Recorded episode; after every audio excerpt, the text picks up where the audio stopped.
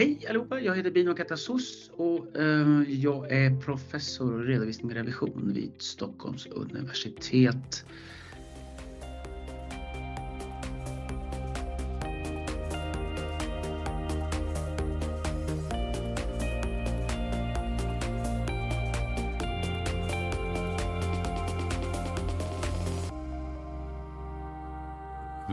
Välkomna till ett nytt avsnitt av Tech Sveriges podcast. Det här släpps på den internationella kvinnodagen onsdagen den 8 mars 2023.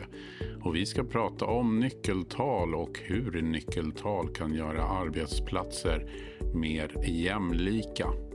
Och ni kommer snart att få höra att det då passar väldigt bra att ha Bino Katassos som gäst i det här avsnittet. Jag heter David Bogerius och du lyssnar på TechSveriges podcast.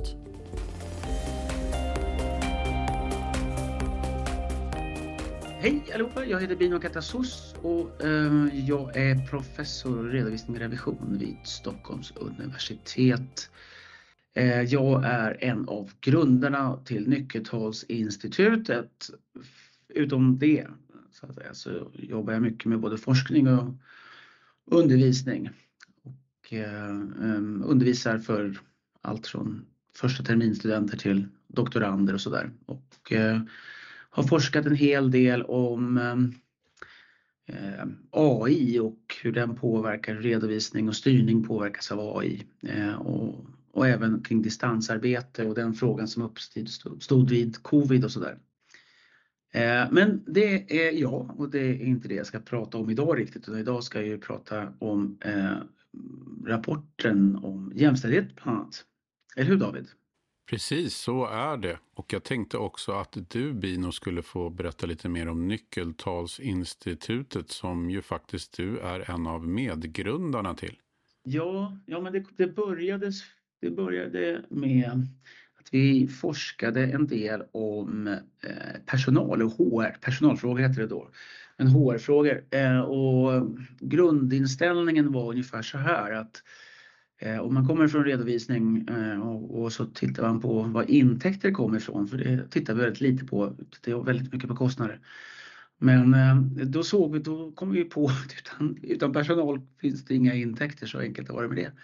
Och då börjar vi fundera kring vad är det man gör? Varför, varför tar man liksom inte hand om den här eh, liksom, resursen som egentligen ja, skapar allt mervärde i en organisation och ett företag. Så då, så då började vi titta på det och vi utvecklade idéer om kalkyler och sådär och sen började vi prata lite om hur skulle man kunna tänka sig rapportering och hur skulle man kunna använda sig och liksom försöka lära sig på lite längre sikt och tänka på det strategiskt. Och då så hade vi lite möten med HR-folk och eh, det visade sig att alla mätte olika. Eh, och det här var en av de här sakerna som, eh, som vi blev lite bekymrade över. Hur ska en organisation kunna lära sig av en annan organisation om man mäter personalomsättning eller chefskap eller vad det nu ska kunna vara på olika sätt. Det var till och med så att vi såg att man gjorde det olika inom olika organisationer. Och då kommer de här siffrorna per definition att bli meningslösa så att säga. Eh, så det var, en, det var därför vi startade Nyckelhålsinstitutet egentligen från första början. Det var som en slags standard idé om att det är så här vi borde kunna mäta frågor om HR-frågor generellt. Då. Så det är historien. Och när nyckeltalen kopplades ihop med jämställdhetsfrågan väcktes idén om Jämix jämställdhetsindex. Ja, och, och, och Jämix kom egentligen på en gång. Inte Jämix, men jämställdhetsfrågan kom på en gång. För eh, jag är ju ekonom och eh, en av de sak, värsta sakerna en ekonom vet är slöseri. Eh, och slöseri av resurser oavsett vad det är för slags resurser. Men om det är med mänskliga resurser, om det är med kompetens. Ja, då är den här eh, frågan ju eh, allvarlig tycker jag utifrån en företagsledningsperspektiv. Att man ska inte slösa med resurser, man har ju begränsade resurser ekonomia, hushållning. Och eh, eh, Jämix var ett, liksom ett svar på det här att ja, men vi måste hitta ett sätt att kunna prata om jämställdhet på ett, på ett systematiskt sätt men också som kan göra det jämförbart. Um, och sen har vi den här idén om att skapa ett index. Det var för att det skulle skapa lite kraft, lite frågan var ju viktigare för oss än, än mätningen kan man säga mätning mätningen var ett sätt att få frågan att bli viktig. Eh, och, och vi eh, utvecklade Jävix faktiskt tillsammans med dåvarande JämO som, som vi bollade med för vi ville inte klampa in och göra något klantigt. Och, jag hade ju läst forskning och sådär men ville ju göra någonting som passar i, i den svenska kontexten. Då. Eh, och så anledningen var faktiskt att mobilisera kraft kring frågan om att eh, Ehm, vi borde inte slösa med vare sig killar eller tjejer eh, utan vi borde använda dem på ett smart sätt. Eh, ja, då, så. Och då tänkte vi att Jämix var ett bra sätt och det faktiskt måste man säga det var en succé på en gång. Många tände till på en gång kring Jämix faktiskt. Den är ju bra för att den, den, den sätter liksom lite fakta på bordet. Va? Och sen så kan man från den faktan så kan man ju, ja, det finns ju saker man kan säga ja å ena sidan och andra sidan. Men helt plötsligt kommer, kommer frågan till. Jag brukar säga att de här måtten är inte till för att ge svaren utan för att ställa smartare frågor. Liksom. Eh, är det så att vi har en, en, en dålig siffra så kanske det, det kanske är rimligt av någon anledning. Men då måste vi ställa vilken anledning då och vad ska vi för frågor ska vi behandla då? Så att det tycker jag är liksom redovisnings och mätningens styrka. Om man använder det som en, kan man säga det för en frågemaskin då. Och jag menar, jag, jag har alltid tänkt på, jag, får, jag har fått frågan jätteofta då, är det lönsamt med jämställdhet? Ehm, och den, den frågan är liksom den bygger på, på, på, på förutsättningar, om man, hur man tror att saker och ting ligger till. Ehm, jag brukar ta extremfallet är ju liksom basket. Om vi, säger, vi, vi, om vi tror att alla längder ska vara med i en basket Eh, uppslag. Men det tror vi inte, vi tror att långa människor är bättre i basket. Och är det så att, det, att vi tror att kvinnor är bättre, att män är bättre, ja då är ju jämställdhet, ja då kommer vi inte få, i alla fall på kort sikt då, inte få någon bra resultat. Men om vi tror, vilket jag tror då, att män och kvinnor har åtminstone lika stora mm, begåvningar, lika duktiga, eh, ja då vore ju ganska korkat att inte satsa på bägge. Alltså det, då, då är det, jag kan ta som exempel att vi tar ju inte vår, våra pensionspengar och stoppar bara på en aktie och hoppas att den går upp utan vi, vi jobbar portföljmässigt. Vi, vi sprider våra risker för vi tror att om inte den ena är bra så är den andra bra. Precis samma resonemang går att säga om jämställdhet. Så den, den frågan är ju, alltså jag, nu tar jag liksom ekonomfrågan i det. Så, av en, jag skulle säga att en företagsledning som inte satsar på jämställdhet eh, måste ha en väldigt Ja, man måste drivas av en, en, annan idé om vad det är som är bra. Man måste ha en idé om att män är bättre eller kvinnor är bättre. Har man inte det, ja då tycker jag man tänker fel. Eh, alltså då, då, då, förstår jag inte av ekonomiska logik. Sen finns det ju en etisk logik och, och en moralisk logik. Och, eh, någon gång liksom, ja, jag brukar sammanfatta det med, skulle du vilja att din dotter jobbar på det här stället? Om svaret är nej, ja då får du väl ta med dig det hem och fundera på vad du ska göra.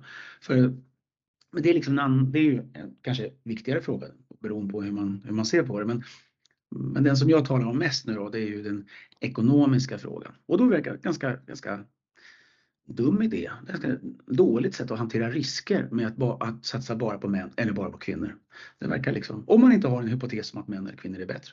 There you go. Mm. Hur fick då Bino Katassos upp ögonen för allt det här? Alltså det byggde mycket på den här eh, mätningarna vi hade med eh, kvinnors karriärmöjligheter, kvinnor och mäns karriärmöjligheter. Så när vi började, började 1996 då hade ju kvinnor 23 chans att bli chefer.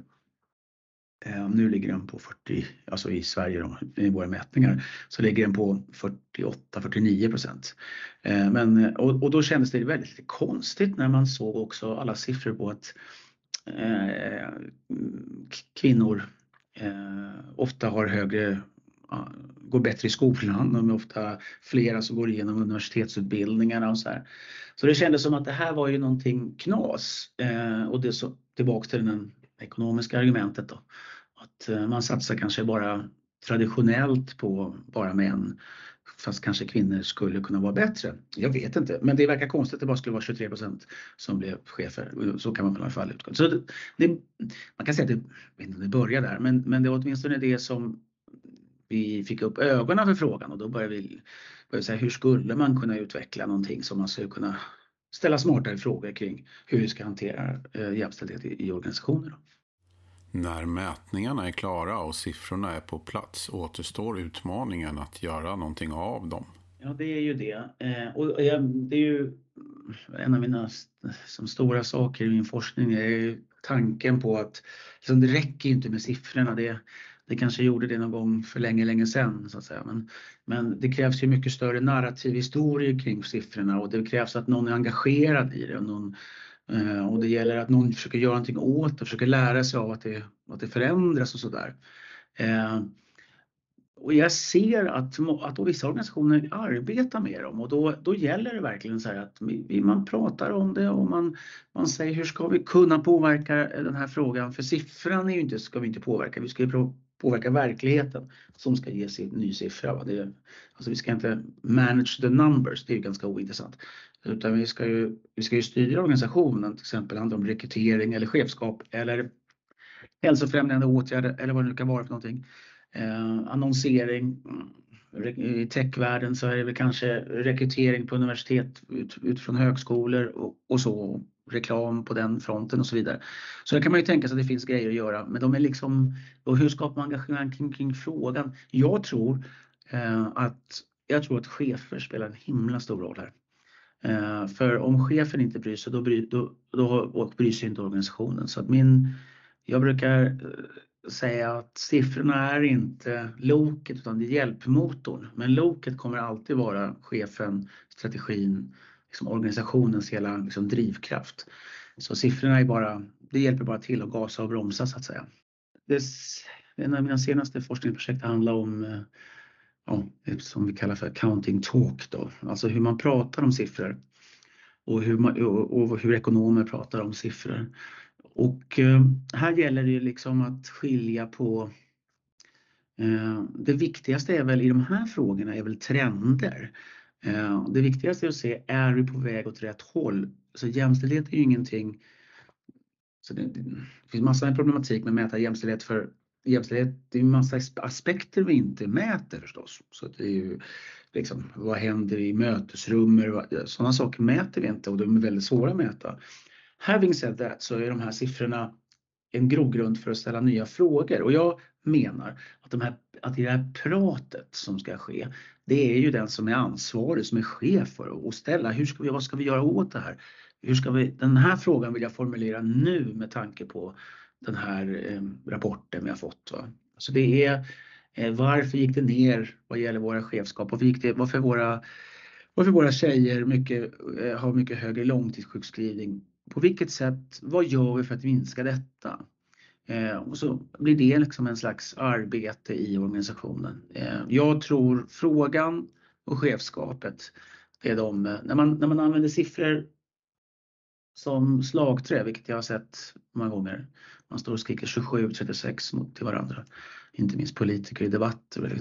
Då, då, då tappar man, då, då spelar siffrorna ingen roll längre.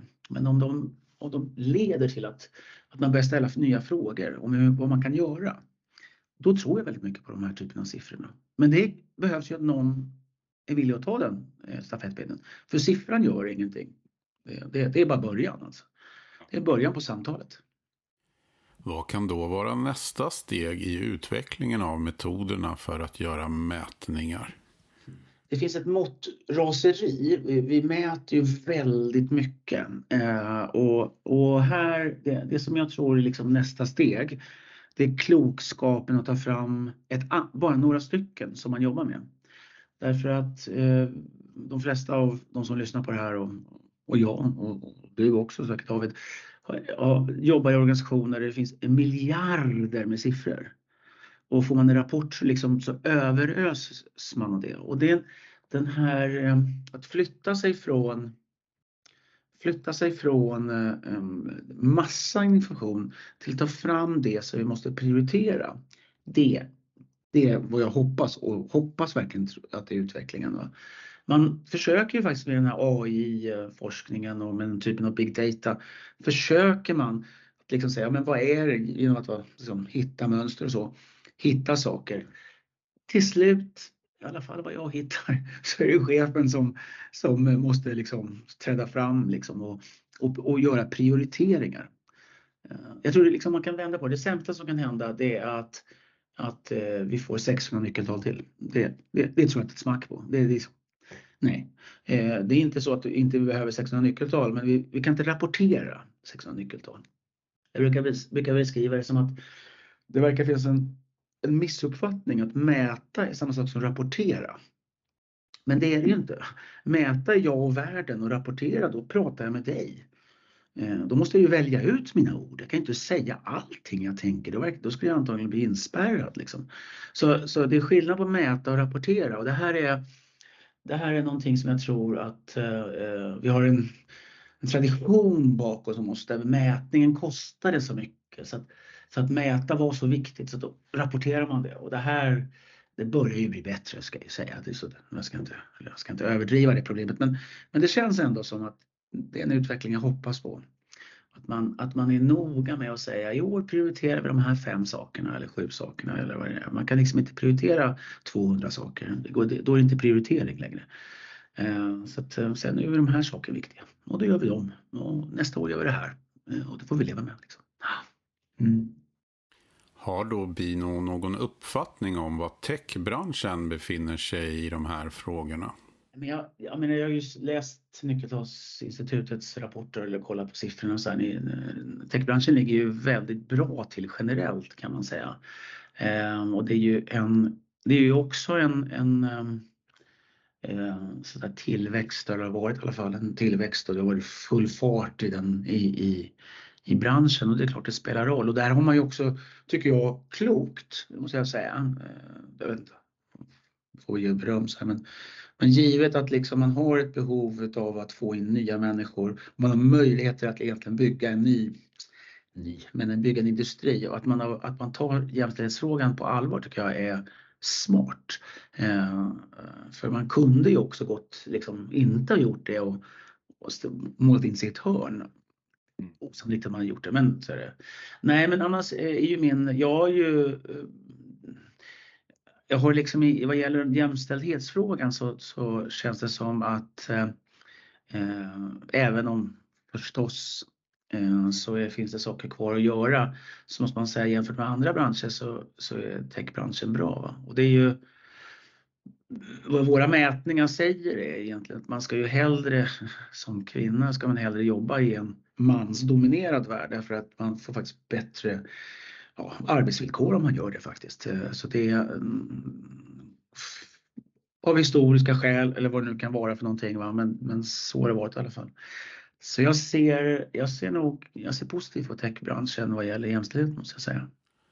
Vad har då Bino för medskick avslutningsvis till en HR-chef i branschen som använder Nyckeltalsinstitutets verktyg? Jag skulle säga så här, eh, ett, ett råd skulle vara är att eh, var inte så bekymrad i teknikaliteterna på mätningen. För det, jag vet att man gärna vill veta exakt och säga, men vadå, ingående balans här skulle det inte vara genomsnittligt eller något sånt där. Utan lita på att vi har hållit på och räknat på det här och, och gått igenom egentligen alla frågor som funnits. Utan ta siffrorna eh, och sen så hittar ni ett gäng det ni säger, här ligger vi, här ligger vi helt annorlunda än, de, än andra. Vi är mycket bättre eller vi är mycket sämre eller vad det är. Och så tar ni de siffrorna och, så, och, så, och, så, och sen har ni ett litet möte kring det med, era, eh, med några av i, i gruppen och säger vad, vad, vad, vad kan vi lära oss av det här? Ja, mitt råd är att när ni tar rapporten så är det precis den frågan ni ska ställa. Vad kan vi lära oss av det här och hur ska vi gå vidare? Lära oss, gå vidare. Ehm, så att istället för att vara för det finns en risk att man framförallt om man har lite, lite matematisk eller har liksom så, så går man in och tänker, ja men är det här verkligen helt rätt räknat? Det är 1 minus 5 eller vad det nu kan vara. Ehm, så då ser man inte skogen eh, för alla träd liksom, tänker jag. Så att eh, ta rapporten, fråga er vad ni kan lära er av det här. Ehm, och, och sen när ni har gått igenom det så säger ni okej, okay, vad blir vårt nästa steg nu då? Och så jobbar man, man måste jobba i ett grupp. Det här är ingen HR-chef som kan göra själv. Då blir det bara kontorsgrej. Utan det måste man göra tillsammans med några i verksamheten. Det har framförts förslag på alternativa metoder för mätningar. Ja, men precis. Och så blir det så där att ja, men vi tycker ju vi tycker man borde mäta sig där, säger man. Och jag menar, jag, jag tycker det är fair, varsågoda. Eh, men för om vi ska jämföra så måste vi bestämma oss någonting och då har vi, vi håller ju på jättemycket och simulerar för att det ska hitta någonting bygger på forskning och sen simulerar vi för att hitta ett sätt som gör att det är möjligt för dem eh, som, som använder Jamix att kunna ställa smarta frågor. Liksom. Det, det, är ju, det är hela vår ambition. För att kunna göra någonting bra förstås. Frågorna räcker ju inte. Men, men det, utan fråga, då blir det inget svar. Det lät som en gammal popsång. Ja. Du har lyssnat på Tech Sveriges podcast med mig, David Bogerius.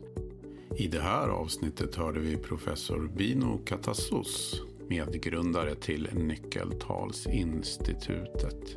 Vi är strax tillbaka med nya avsnitt. Tack och hej! Tack, hej!